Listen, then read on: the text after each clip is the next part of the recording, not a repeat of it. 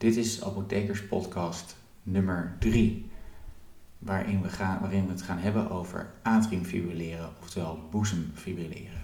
Mijn naam is Harm Geers en ik ben apotheker. Um, boezemfibrilleren of atriumfibrilleren is een aandoening waar heel veel mensen, met name op hogere leeftijd, boven de 65 vooral, uh, last van hebben. Het gaat dan om een abnormaal hartritme, hart, waarbij de hartfrequentie vaak sneller is, sneller dan 110 slagen per minuut, en waardoor het hart niet goed samentrekt. Um, doordat het hart niet goed samentrekt, en dan praten we niet over het hele hart, maar over de, uh, de boezems. De boezems, je hebt in het hart bestaat uit twee gedeeltes, de boezems en de kamers.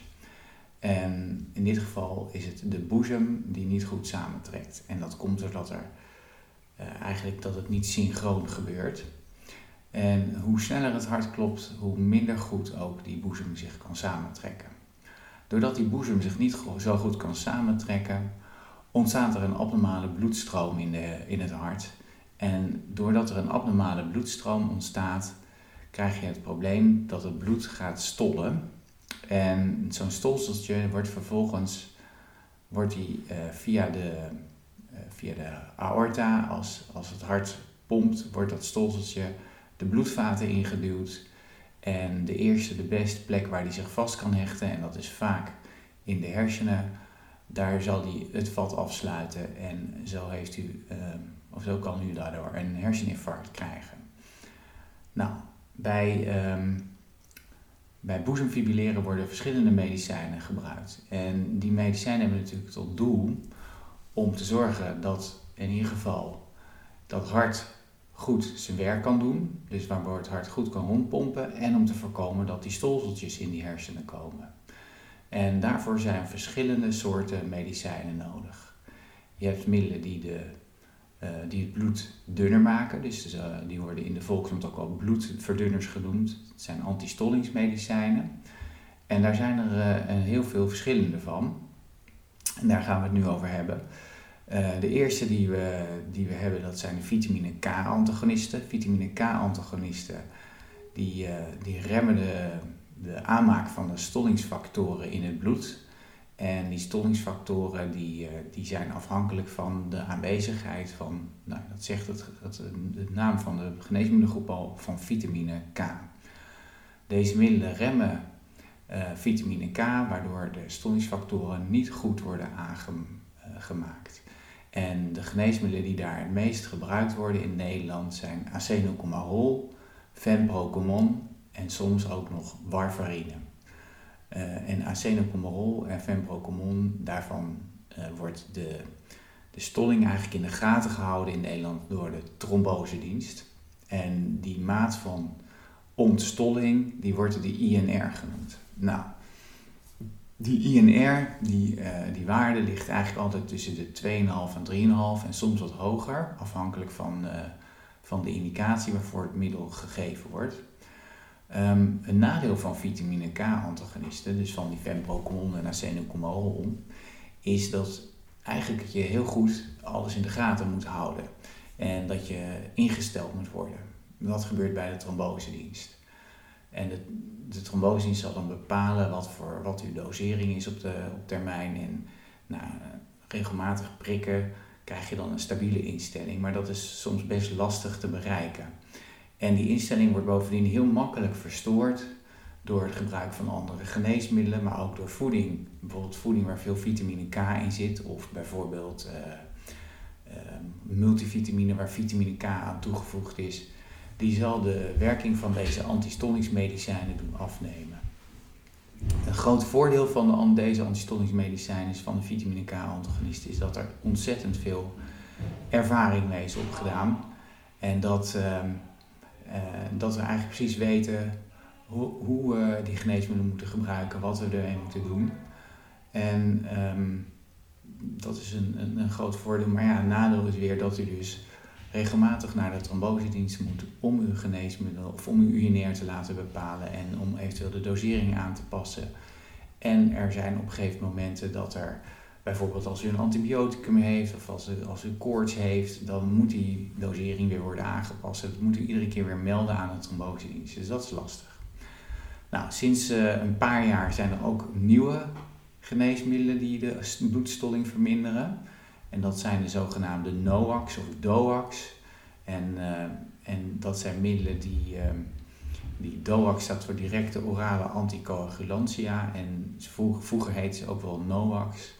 En dat staat voor uh, nieuwe orale anticoagulantia. Nou, die, gene die geneesmiddelen die er zijn, dat zijn er op dit moment in Nederland zijn dat er vier. Apixaban, uh, dat is bekend onder de naam Eliquis. Dat wordt twee keer per dag gedoseerd. Dan heb je nog Dabigatran, oftewel Pradaxa. Wordt ook twee keer per dag gedoseerd. En dan heb je Rivaroxaban, oftewel Xarelto, wat één keer per dag wordt gedoseerd. En Edoxaban, Lixiana, wat ook één keer per dag gedoseerd wordt. Het voordeel van, uh, van deze middelen is dat er geen monitoring voor nodig is. Dus dat u niet bij de trombosedienst hoeft te kijken wat, er, uh, wat, wat uw INR is. Het nadeel is ook dat er niet echt een test is om te kijken hoe die INR zich ontwikkelt, hoe die is. Dus dat is, uh, dat is lastig. Dat geeft soms ook wel bij mensen wat onzekerheid. Want ja, zijn ze wel goed ingesteld en, en hebben, ze hebben ze wel de goede antistolling te pakken. Als u de middelen inderdaad gewoon netjes inneemt zoals ze moeten worden ingenomen, dus twee keer per dag als ze twee keer per dag moeten worden ingenomen en één keer per dag als ze één keer per dag moeten worden ingenomen, dan zit u qua antistolling eigenlijk altijd goed. Um, de dosering van de NOACs die wordt vaak bepaald aan de hand van een aantal zaken. Het gewicht is belangrijk en wel of u meer of minder dan 60 kilo weegt. De nierfunctie is belangrijk omdat de NOACs voor een groot gedeelte door de nier worden uitgescheiden. Dat betekent dus als de nierfunctie minder is, dat de dosering lager moet zijn omdat er minder veel NOAC wordt uitgescheiden uit uw lichaam. Dus dat kan, dat kan een reden zijn waarom misschien andere mensen een lagere dosering hebben dan wat u heeft. Nou, een andere, um, een andere reden om de dosering aan te passen kan bij sommige NOACs zijn ook de leeftijd. Dus um, ja, dat, hoe ouder je wordt, hoe lager de dosering doorgaans is. Um, en bij sommige NOACs maakt het eigenlijk niet zo heel veel uit of u ouder bent of niet ouder bent. Het zijn een paar, een paar NOACs bij wie de, leeftijd en het gewicht en de nierfunctie van belang zijn. Um, heel veel mensen, zie ik in dagelijkse praktijk, worden omgezet van acenocomerol of femprocomon naar een NOAC. En daarbij is het ontzettend belangrijk dat er uh, netjes gewerkt wordt en dat er in ieder geval um, voordat er gestart wordt met de NOAC, dat die INR, die um, die gemeten wordt, dat die onder de 2 is voordat je gaat starten met een NOAC. Um, bij acetylcomerol is dat meestal als je twee dagen gestopt bent, dat je kan overstappen op een uh, NOAC. Bij femprocomon kan dat heel lang duren, omdat het verschil tussen acetylcomerol en femprocomon uh, ligt hem in de, de werkingsduur van het geneesmiddel. Femprocomon heeft een hele lange, wat ze noemen halfwaardetijd dat is de tijd waar, waarop, hoe lang het geneesmiddel werkt. En dat is bij Femprocomon gewoon veel, hoog, veel langer. Dus dat betekent dat je dus vaak ook langer moet wachten voordat die INR gedaald is. En je kan overgaan naar, een, uh, naar de NOAC. Nou, in de praktijk zie ik heel vaak dat, dat mensen de, bijvoorbeeld een tweemaldaagse dosering van een NOAC op eigen houtje naar eenmaaldaags hebben gedaan. Want uh, de reden waarom ze dat dan gedaan hebben is vaak dat ze zoveel blauwe plekken krijgen. En dat ze bloeduitstortingen krijgen. Nou, dat is natuurlijk ook heel logisch, want die middelen die remmen de bloedstolling. Dus dat je er wat blauwe plekken van kan krijgen, is eigenlijk heel logisch. En vaak zijn die blauwe plekken helemaal niet erg. Ze zien er alleen niet zo mooi uit en het is vervelend. Dat kan ik me heel goed voorstellen. Maar wanneer moet u nou naar de naar de huisarts of naar de, uh, naar de arts als, als u een blauwe plek heeft. Nou, dat moet eigenlijk als die blauwe plek groter dan 10 centimeter is. Dan moet u uh, contact opnemen met de huisarts. En ook wel redelijk snel. Als u een bloedneus heeft, wat kan natuurlijk ook gebeuren, mensen met, een, met bloedverdunners die een bloedneus krijgen, die zullen langer last hebben van die bloedneus. Als de bloedneus langer dan 30 minuten aanhoudt en het stopt niet met bloeden, dan is het verstandig om contact op te nemen met de arts. Ehm, verder ook als u bloed bij de ontlasting heeft, dus als u rode sporen ziet of u merkt dat de ontlasting heel erg teerachtig uh, en, en, en stinkend en zwart is, dan is, kan het een teken zijn dat er een bloeding is. Dan moet u ook zo spoedig mogelijk contact opnemen met, uh, met een arts. Um, en als u uw hoofd, of u bent op uw hoofd gevallen en u gebruikt bloedverdunners en uh, heeft uw hoofd ernstig gestookt, dan is het ook verstandig om contact op te nemen met de, met de arts.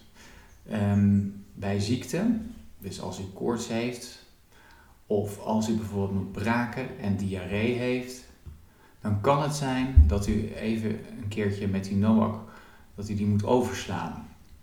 En um, daar, dat zijn specifieke regels en ik ga, kom daar in een latere uh, podcast nog een keertje op terug. Um, de Nierstichting heeft daar een hele mooie folder bij van gemaakt. Want soms moet u geneesmiddelen even overslaan. Want dit geldt met name bij mensen die een verminderde nierfunctie hebben en die ziek worden of die een hoge lichaamstemperatuur hebben, dat ze koorts hebben of er is een hoge omgevingstemperatuur. Dan kan de nierfunctie plotseling achteruit gaan. En als die nierfunctie plotseling achteruit gaat, dan wordt natuurlijk die NOAC minder goed uitgescheiden. Als dat echt heel hard achteruit gaat, dan kun je weer risico krijgen op bloedingen. Dus het is wel belangrijk om, als u dat heeft, in ieder geval even contact op te nemen met uw apotheek bijvoorbeeld of met uw huisarts om te kijken wat u moet doen. Nou, als u nou vergeet uw NOAC in te nemen, wat heel veel mensen doen, en um, dat is natuurlijk ook heel lastig, want je moet hem twee keer per dag moet je eraan denken, of één keer per dag moet je eraan denken. Dat is ontzettend ingewikkeld. En om dat goed te doen, um, is het verstandig, en dat is bij elk geneesmiddel eigenlijk, dat u een vaste gewoonte bedenkt, waar, waarbij u, u hè, die u sowieso elke dag al doet, en waarbij u dan het gebruik van uw geneesmiddel kan koppelen. Bijvoorbeeld, ik weet dat ik elke ochtend naar het koffiezetapparaat loop om koffie te maken. Nou, als ik mijn geneesmiddelen zou hebben en ik zou die moeten gebruiken, dan zou ik mijn geneesmiddelen dus op het koffiezetapparaat leggen. Want dan zou ik er sowieso aan denken, omdat ik ze dan automatisch zie. Nou, sommige mensen hebben een huisdier, dus je kan het ook bij de, bijvoorbeeld bij de hondenriem leggen of uh, in de buurt bij het eh, voer van de kat, zodat je ochtends uh, in ieder geval, hè, dat beest dat meldt zich wel, dat je dan in ieder geval denkt aan het innemen van geneesmiddelen. Uh, sommige mensen leggen het op het ontbijtbord neer, maar probeer een oplossing te vinden die bij u past. Dat is heel erg belangrijk, uh, want het uh, missen van deze geneesmiddelen, het niet innemen, leidt weer tot verhoogd risico op het krijgen van, um, van bloedstolsels die, die, die, die dan eventueel een infarct kunnen veroorzaken.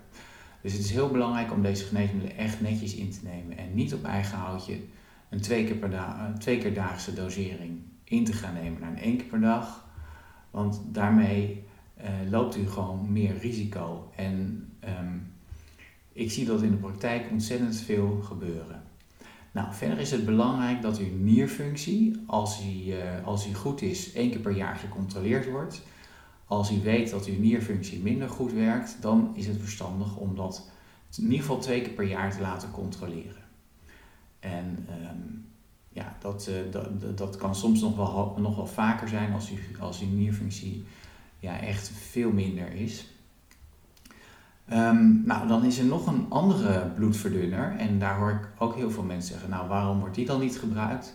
Dat is het kinderaspirintje, oftewel acetylsalicylzuur.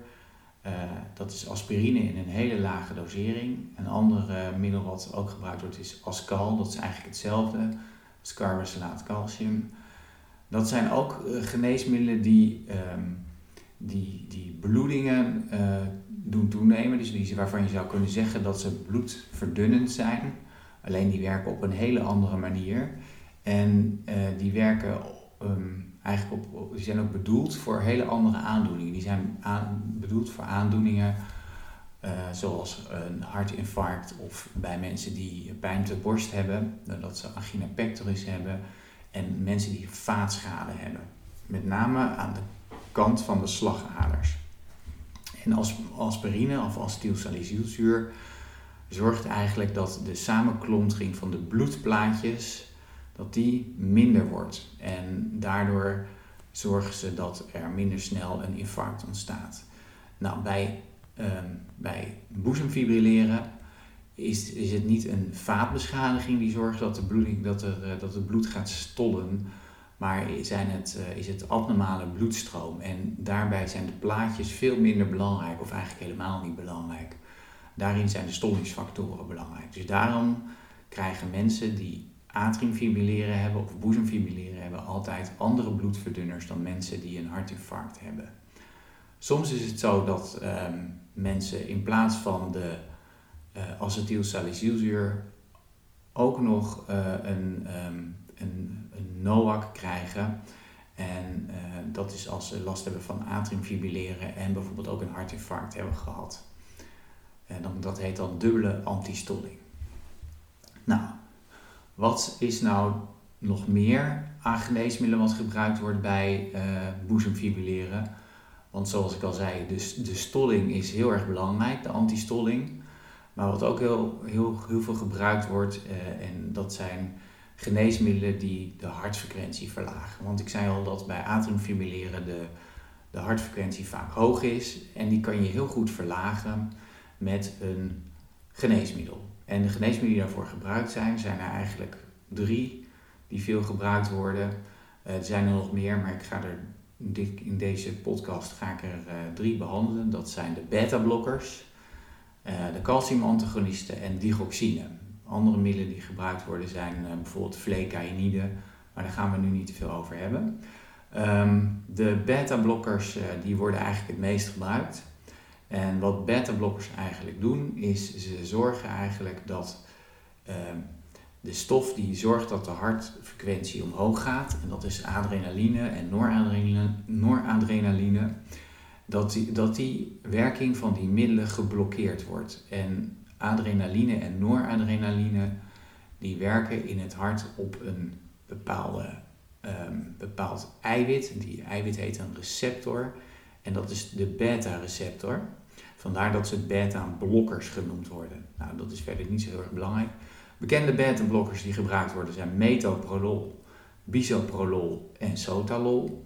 Uh, het meest gebruikt wordt metoprolol en bisoprolol en sotalol wordt af en toe ook gebruikt. Sotalol heeft een wat, is een wat aparte beta-blokker, want dat middel wordt ook heel vaak gebruikt bij andere ritmestoornissen, omdat het ook nog wat extra eigenschappen heeft.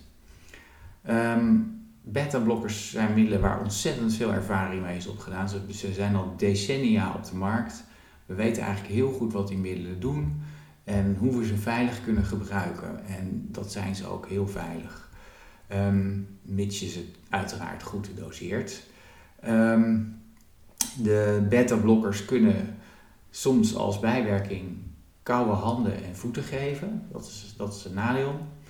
Uh, ze geven wat bloeddrukdaling en de hartfrequentie gaat omlaag. En daardoor kunnen mensen soms ook wat duizelig zijn. En mensen met astma die een beta-blokker krijgen, kunnen soms wat meer last hebben van benauwdheid. Alhoewel dat meestal erg meevalt. Um, maar dat kan wel. Nou, andere stoffen die naast beta-blokkers worden gebruikt, dat zijn calciumantagonisten. En dat zijn vooral diltiazem en verapamil. Dat zijn uh, bloeddrukverlagers. Die zijn ooit, ooit uh, gemaakt als bloeddrukverlager. Maar wat ze ook doen is de hartfrequentie verlagen. En verapamil doet dat wat erger dan diltiazem. Uh, en ze zorgen ook dat de kracht waarmee het hart slaat wat minder wordt. Omdat ze zorgen, zijn, ze heten calciumantagonisten. Dat betekent dat ze de instroom van calcium in de spiertjes van de van de, van de bloedvaten en van het hart wat remmen. En calcium is heel erg belangrijk voor de, voor de contractiekracht, voor de samentrekkingskracht van het hart en van je bloedvaten. En uh, nou ja, die worden door die calciumantagonisten dus een beetje uh, verlaagd. Dus mensen die echt een hele slechte hartfunctie hebben, dus waarbij het hart niet voldoende rondpompt, dus met, met onvoldoende kracht rondpompt, die moeten eigenlijk geen uh, calciumantagonisten gebruiken. Bijwerkingen die we vaak zien bij calciumantagonisten zijn obstipatie, dus verstopping. Uh, soms ook wel duizigheid door, door bloeddrukdaling. En soms ook wel dikke enkels die voor kunnen komen. Nou, verder zijn de middelen ook al erg lang op de markt en is ook veel, veel ervaring mee opgedaan. Uh, een van de laatste stoffen die ik wil gaan noemen, dat is digoxine. Digoxine, oftewel lanoxin, zo heet het op de, als merknaam. Uh, dat is een stof die ook al eeuwen oud is, die gewonnen wordt uit de uh, digitale spurperea. Dat is een plant en die is ook wel bekend als vingerhoedskruid. Um, bestaat heel erg lang uh, en ook wordt ook wel heel veel gebruikt. Vroeger werd het in hogere doseringen gebruikt, tegenwoordig in, wat, in lagere doseringen, omdat bleek dat het middel uh, een vrij uh, snel een, gevaarlijk is, toxisch is. En in die lage dosering is dat helemaal niet zo, maar in hoge dosering wel. Bij dioxine is het ook heel erg belangrijk om te zorgen dat iemand met een uh, verminderde nierfunctie, dus waarbij de nierfunctie uh, minder is. Uh, dioxine wordt ook uitgescheiden door de nier, dus als je nierfunctie minder is, dan wordt het minder goed uitgescheiden en kan je sneller last krijgen van toxiciteit en bijwerkingen. En wat ook heel erg belangrijk is bij dioxine is dat het kalium gecontroleerd wordt. Want bij een heel laag kalium kan dioxine sneller zeg maar, uh, schadelijke bijwerkingen geven en, en toxisch zijn en dus giftig zijn. Nou, in de praktijk is dat eigenlijk zelden het geval, omdat die dosering heel laag is en dat de monitoring, dus wat er gecontroleerd wordt door de, huisarts en door de specialisten, gewoon heel goed gedaan wordt. Mocht u nou toch uh, twijfelen of u bijwerkingen heeft van digoxine, dan, uh, dan zie je dat vaak doordat mensen misselijkheid, eh, misselijkheid krijgen, wazig gaan zien en ze last krijgen van uh, xanthopsie. Xanthopsie is, een, is zo dat je alles een beetje met een gele waas gaat zien. Dus dat, je, dat het lijkt of je alles meer geel gaat zien.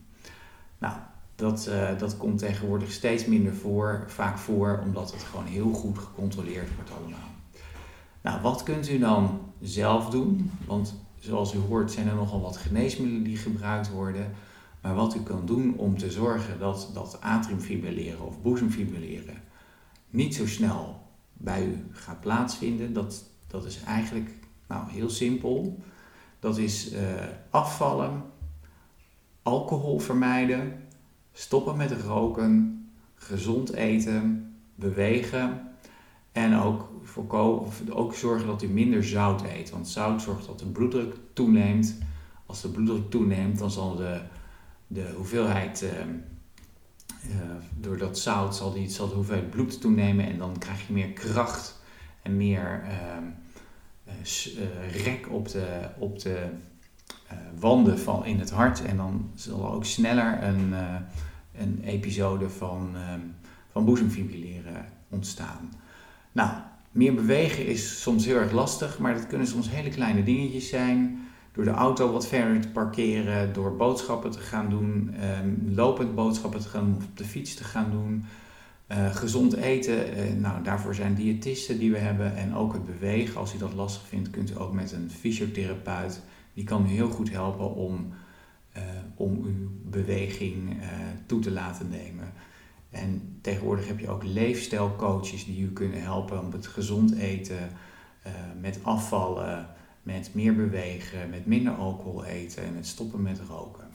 Hartelijk dank voor het luisteren naar de Apothekers Podcast. Ik hoop dat u het interessant vond. Volgende week is er weer een podcast. En als u suggesties of vragen heeft, dan kunt u mij bereiken via Twitter. Ik ben bereikbaar onder harmgeers. Mocht u suggesties voor onderwerpen hebben, laat het mij vooral weten. En ook al uw vragen probeer ik te beantwoorden. Hartelijk dank voor het luisteren en zorg dat u deze podcast deelt met uw vrienden en kennissen. Dank u wel.